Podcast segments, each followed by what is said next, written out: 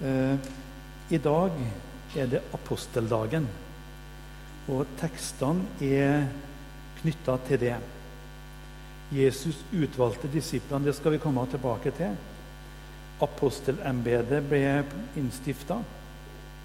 Og så gjelder det deg og meg i dag, vår tjeneste for Jesus og Guds rike. Jeg ble omvendt eh, da jeg var 16 år. Tre dager etterpå begynte jeg på Rødde folkehøgskole. Eh, Det var jo godt å komme dit som nyfrelst. Det første bibelordet som stansa meg, det var det Jesus sa til disiplene. Følg meg, så vil jeg gjøre dere til menneskefiskere. Det er det første bibelordet jeg kan huske stansa meg. Og Det ble også starten på min tjeneste i Guds rike. Først et indre kall, som senere ble bekrefta av ytre kall. Skal vi be sammen? Kjære Jesus, takk for denne søndagen og disse minutter vi skal få lov til å ha sammen her på salen. La oss få kjenne at du er nær høre røsten din, merke din omsorg for den enkelte av oss, at du også har bruk for oss som er her i dag, for misjonens framtid. Amen. Prekenteksten for i dag den er fra Markus 3, vers 13 19. Han gikk da opp i fjellet der kalte han til seg dem han selv ville, og de kom til ham. Han tok ut tolv som skulle være sammen med ham, og som han kunne sende ut for å forkynne, og ha makt til å helbrede sykdommer og drive ut onde ånder. Simon, som han ga navnet Peter. Jakob, sønn av Sebedeus, og Johannes, Jakobs bror. Disse ga han navnet Boanges, det er tordensønner. Andreas og Philip, Bartlomeus og Matteus og Thomas og Jakob, sønn av Alfeus, Tadeus og Simon Kananeus og Judas Iskariot, han som forrådte ham. Går vi litt lenger fram i kapitlet her, så møter vi Jesus i aktiv tjeneste. Det starter med at han utfordrer fariseerne ved å hjelpe en mann på sabbaten. Kristendomsforståelsen iblant folk var jo styrt av lover og regler, skikk og bruk.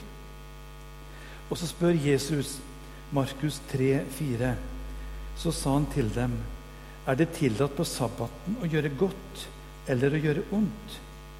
Å berge liv eller å slå i hjel? Men de tidde. For Jesus så var det viktigere å hjelpe enn å følge disse lovbudene som lederne har lagt på folket. Så ser vi at folk kommer i store mengder for å få hjelp. Det var forskjellige ting de sleit av. Og folk hadde hørt om denne merkelige mannen som brydde seg om hverdagsmennesker, og som kunne hjelpe de som var i nød. Og faktisk så var det åndskamp der Jesus vandra fram. Vi hører om mennesker som var besatt, som på en spesiell måte var styrt av Satan. Og ingen hadde det vel så vondt som de. Så kunne Jesus gjøre de fri. For to uker siden var prekenteksten fra Matteus 9. Vi skal ta med spesielt ei setning fra den vers 35-37. Og Jesus dro omkring i alle byene og landsbyene. Han lærte i synagogen deres og forkynte evangeliet om riket. Han helbredet all sykdom alle plager. Og så står det så fint. Da han så folket, fikk han inderlig medynk med dem. For de var herjet og forkomne som får uten hyrde lyst til å si det her i dag. Jesus ser deg. Der du er i ditt liv. I den situasjonen du står i.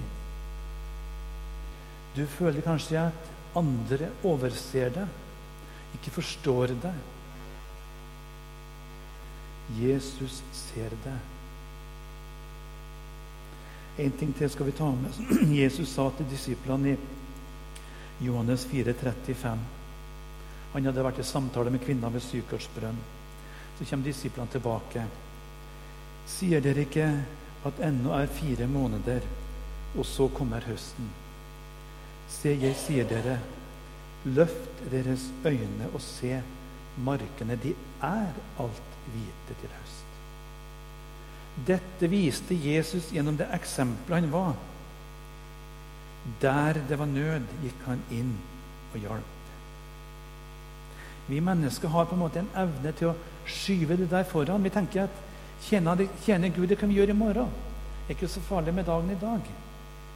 Slik tenkte også disiplene. Derfor så sier Jesus høsten er her. I dag må du være med å hjelpe. Løft deres øyne og se markene. De er alt hvite til høst. Så får vi høre i teksten vår i dag om Jesus som utvalgte disiplene. I det vi leste, så sto det at han gikk opp i fjellet. Ser vi i Markus, unnskyld, i Matteo, Lukas 6, vers 12, så står det slik I disse dagene skjedde det at han gikk opp i fjellet for å be. Og han ble der hele natten i bønn til Gud. Da det ble dag, kalte han til seg disiplene sine. To ting kan du slå fast. Det var viktig for Jesus å roe seg ned og få være i stillhet. Og det å være i stillhet for han, det betydde også at han på en spesiell måte vendte sinn og tanker til sin far i himmelen. Og det han skulle gjøre nå, det var historiens største sjansespill. Det å velge ut de som skulle bli ledere i den første menighet i nye pakt. Jesus var menneskesønnen. Og han kjente at han kom til kort. Kjære far, må du hjelpe meg nå til å gjøre et rett valg. Til å finne de personer som kan gjøre deg stor, og som kan lede arbeidet på en god måte.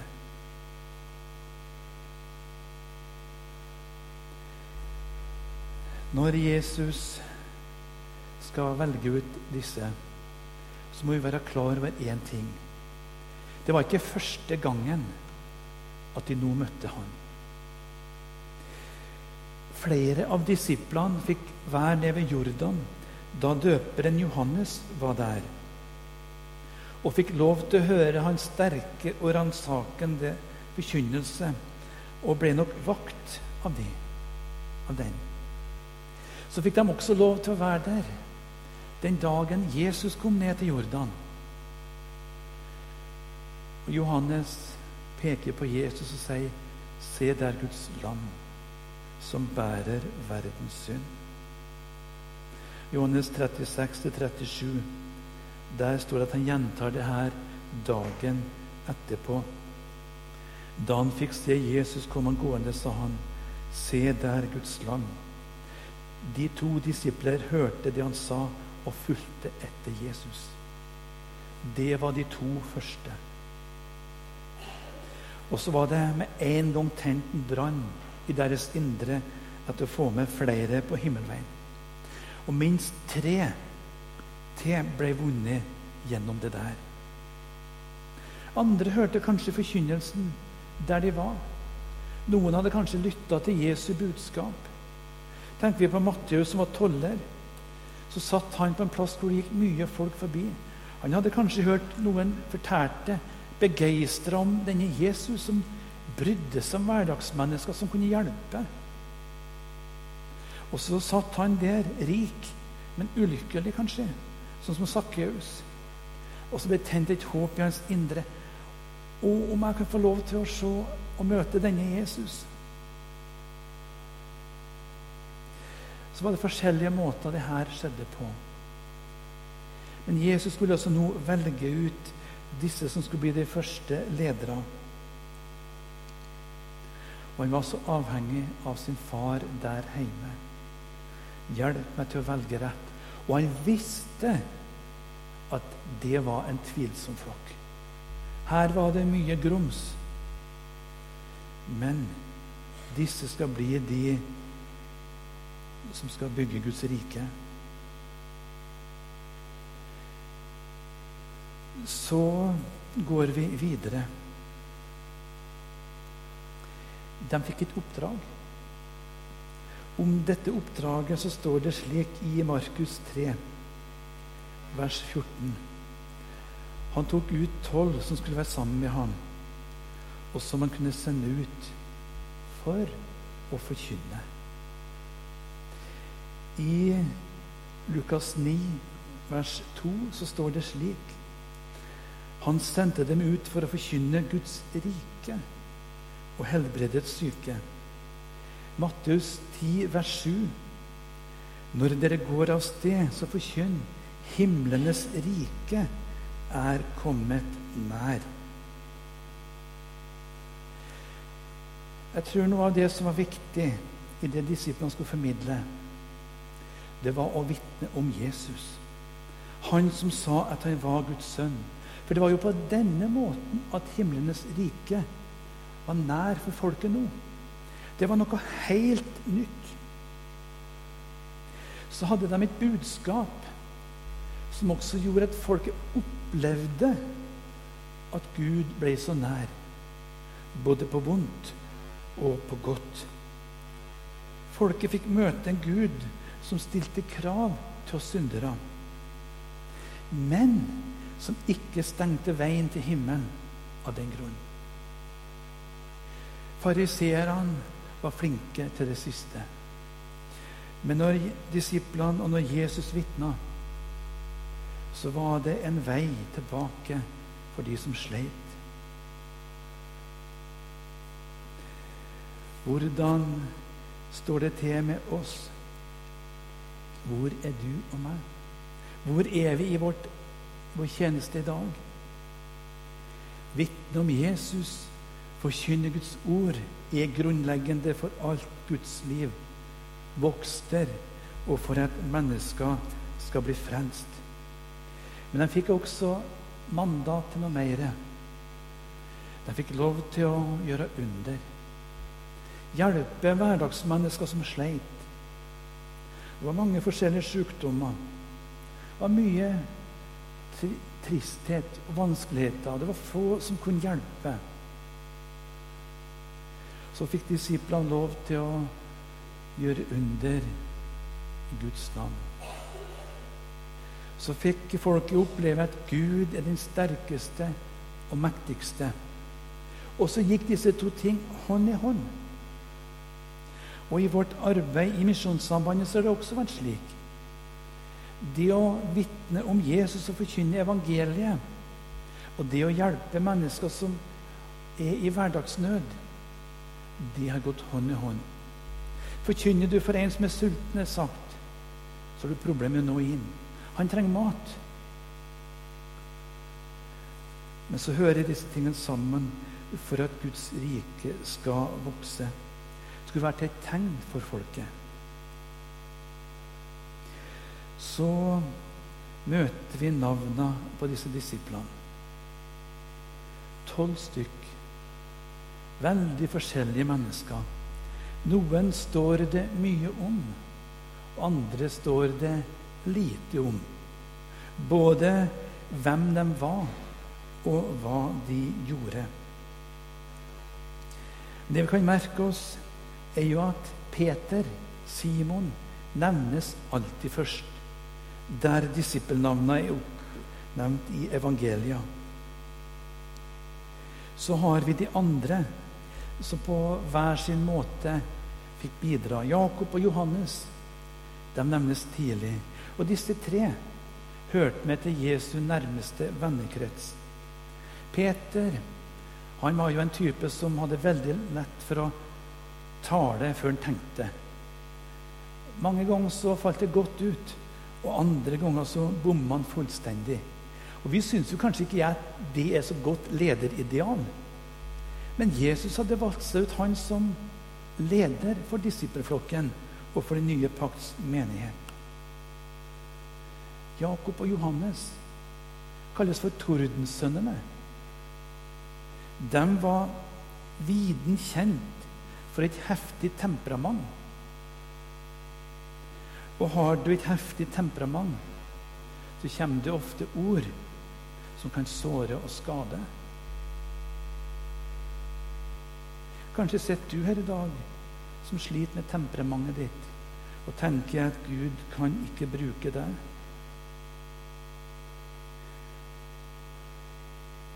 Andreas Philip, f.eks., som sier 'vis oss Faderen', og det er oss nok. Altså, etter tre år virker det som han fortsatt var i tvil om hvem Jesus var. Vi har, jeg kan nevne Thomas, f.eks., som sleit med tvil. Og ikke kunne slå seg til ro med de andre disiplene sine vitnesbyrd når de eh, fortalte om opplevelsen første påskedagskveld. Men det var ikke bare negativt, det med Thomas sin tvil. Han hadde en trang om å få se Jesus sjøl, og det var viktig. Poenget her er at det var en veldig forskjellig flokk. Og faktisk, han som alltid nevnes sist, Judas, ble også valgt ut til å være en leder i Guds rike. Det forstår vi ikke. Men han fikk lov til å tjene Jesus i nærmere tre år. Så gikk det galt. Det var ikke Jesus skyld at det gikk galt. Men han gjorde feil valg og hadde fristelser og lyster som tok overhånd. Han var også den eneste disippelflokken som hadde tillitsverv. Han var kasserer der. Men det som var hans styrke, ble til slutt hans svakhet og felte han. Jesus valgte seg tolv disipler.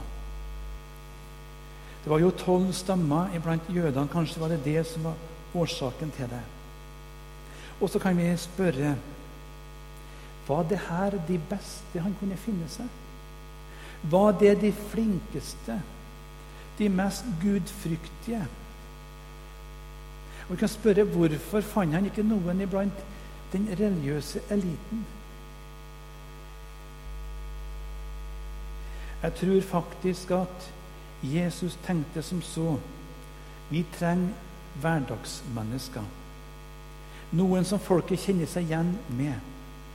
Jeg trenger en flokk som blir knytta til meg og Guds rike i nåde.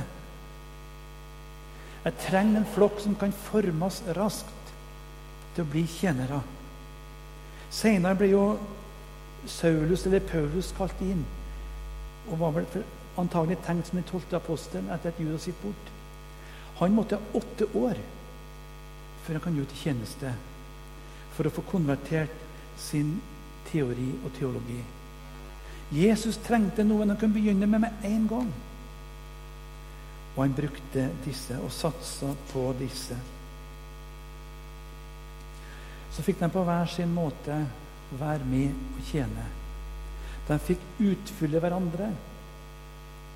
Og Guds rike vaks, og det gikk fram. Jeg har av og til lurt på, dersom du var leder på den tid, hadde vi tort å velge denne flokken? Men Jesus gjorde det.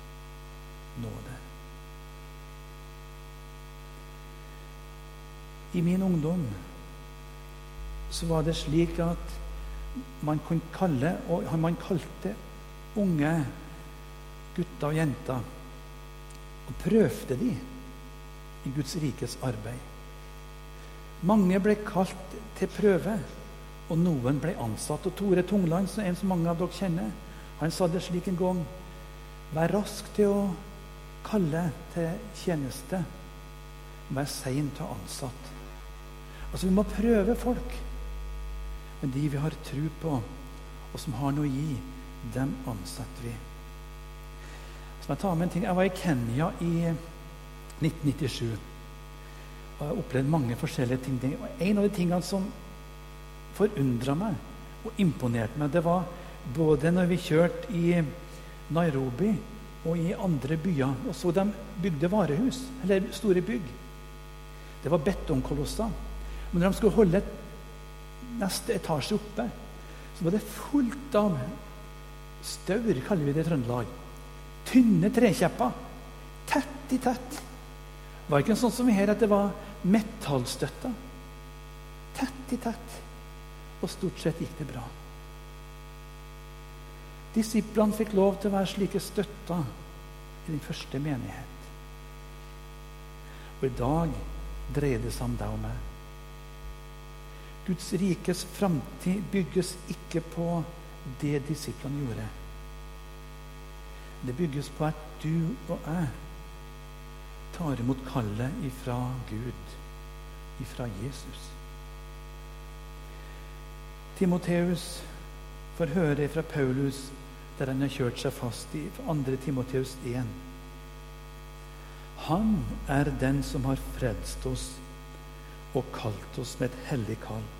Han gjorde det ikke til våre gjerninger, men etter sin egen rådslutning og nåde, den som han ga oss i Kristus Jesus fra evighet av. Han er den som har frelst oss og kalt oss.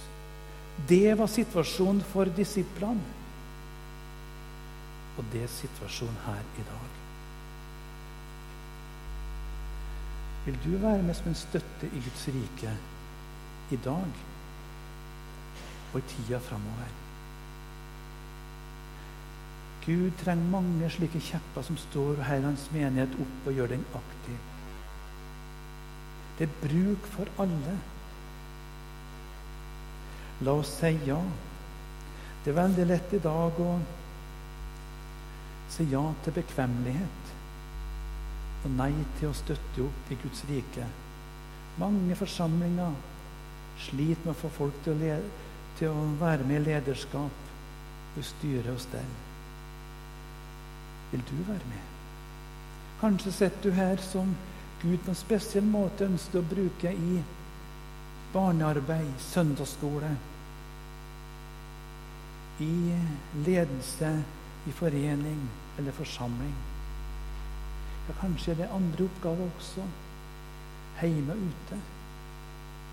Du har merka den indre uroen. Og hvor jeg ønsker at du skal få lov til å være med og tjene der du er. Så er ikke slik at én oppgave er mer verd enn andre. Jesus har bruk for oss alle. Må du være få nåde til å si som det står i Jesaja 6, vers 8 og det som ble Jesaja sin konklusjon på kallet. Da hørte jeg Herrens røst. Hvem skal jeg sende, og hvem vil gå for oss? Da sa jeg, se her er jeg. Send meg. Og det får være vårt svar. Må aposteldagen i 2013 få lov til å bygge framtida i Misjonssambandet med Guds rike ved at du er villig til å gå noen steg til i evangeliets tjeneste. Ditt verk er stort, men veik er jeg, når jeg det fram skal bæra. Men lat meg enda tjene deg, om det di makt kan æra. En varm og audmjuk hug meg gjev og truskap alle dager, og send meg som ditt eige brev til deg som lid og klager. Deg høyrer eg for evig til. Eg væra vil ei gåva, som du kan gi åt kven du vil, så navnet ditt vert lova. Kjære Far og Fremsar. Du ser oss alle som er her. Du har talt til oss. Og vi takker for disiplene som du fikk lov til å bruke, så forskjellige som de var, med styrke og svakheter. Så bygger du framtida i Guds rike på oss som er her på Salem i dag. Vi er en gave til folket rundt oss fra himmelen. Må vi få nåde til å gå der du vil ha oss, i små og store oppgaver, og oppleve at et rike får vokse.